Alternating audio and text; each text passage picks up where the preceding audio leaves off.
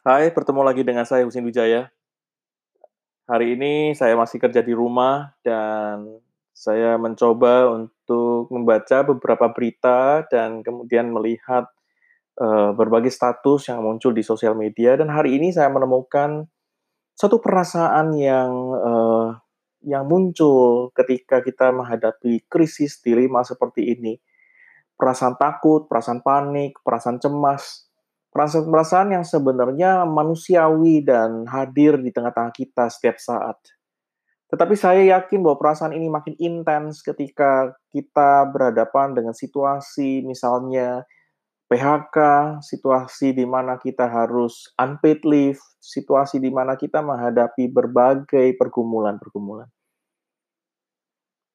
Dan kemudian saya melihat bahwa perasaan seperti ini menimbulkan juga berbagai penyakit di dalam diri kita. Ada yang sakit kepala, ada yang kemudian badan merasa tidak enak. Psikosomatis terjadi di dalam diri kita. Nah, saya rasa hal seperti ini sesuatu yang mungkin bisa diidentifikasi, tapi ada juga yang sulit sekali mengidentifikasinya. Oleh karena itu, saya membaca sebuah penelitian dari Peter Levine, seorang psikolog yang kemudian membentuk suatu terapi bernama somatic experience. Dan dia mengatakan bahwa perasaan-perasaan yang unknown, yang tidak kita kenal itu, yang membuat kita takut, resah, cemas, harus kita sadari, harus kita kenal, harus kita namai. Perasaan-perasaan yang muncul out of the blue. Kita tidak sadar, tidak mengerti kenapa bisa terjadi. Peter Levine mengatakan kita harus menamainya. Sehingga dengan menamai perasaan itu kita bisa mengenal. Dan ketika kita mengenal, kita bisa bersahabat. Bisa win-win solutions dengan perasaan itu. Begitu kita kenal dengan perasaan ini, kita juga bisa being calm. Kita bisa lebih kalem, lebih tenang.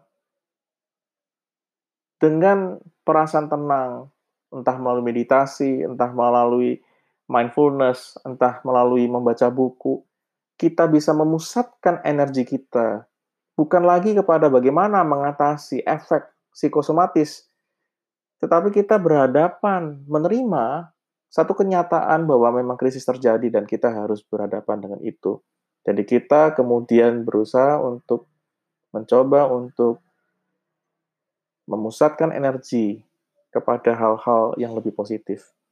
Kita harus mulai belajar untuk mengenal, menulisnya, menjurnalnya barangkali, menata diri, mencari satu posisi baru, cara baru di dalam refleksi-refleksi kita untuk menghadapi situasi masa depan. Saya rasa masa-masa COVID-19 tidak akan lama lagi, semuanya sudah dihandle dengan baik, dan kita berada di rumah masing-masing, menjaga kesehatan masing-masing, sehingga kita dengan harapan dan doa berharap situasi ini akan cepat selesai.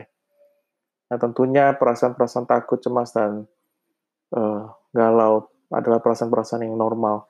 Dan kita harus berhadapan dengan itu dan mencoba untuk memusatkan energi kepada hal-hal yang lebih positif. Salam bahagia dari Usin Wijaya. Semoga Anda sehat selalu. Jangan lupa cuci tangan.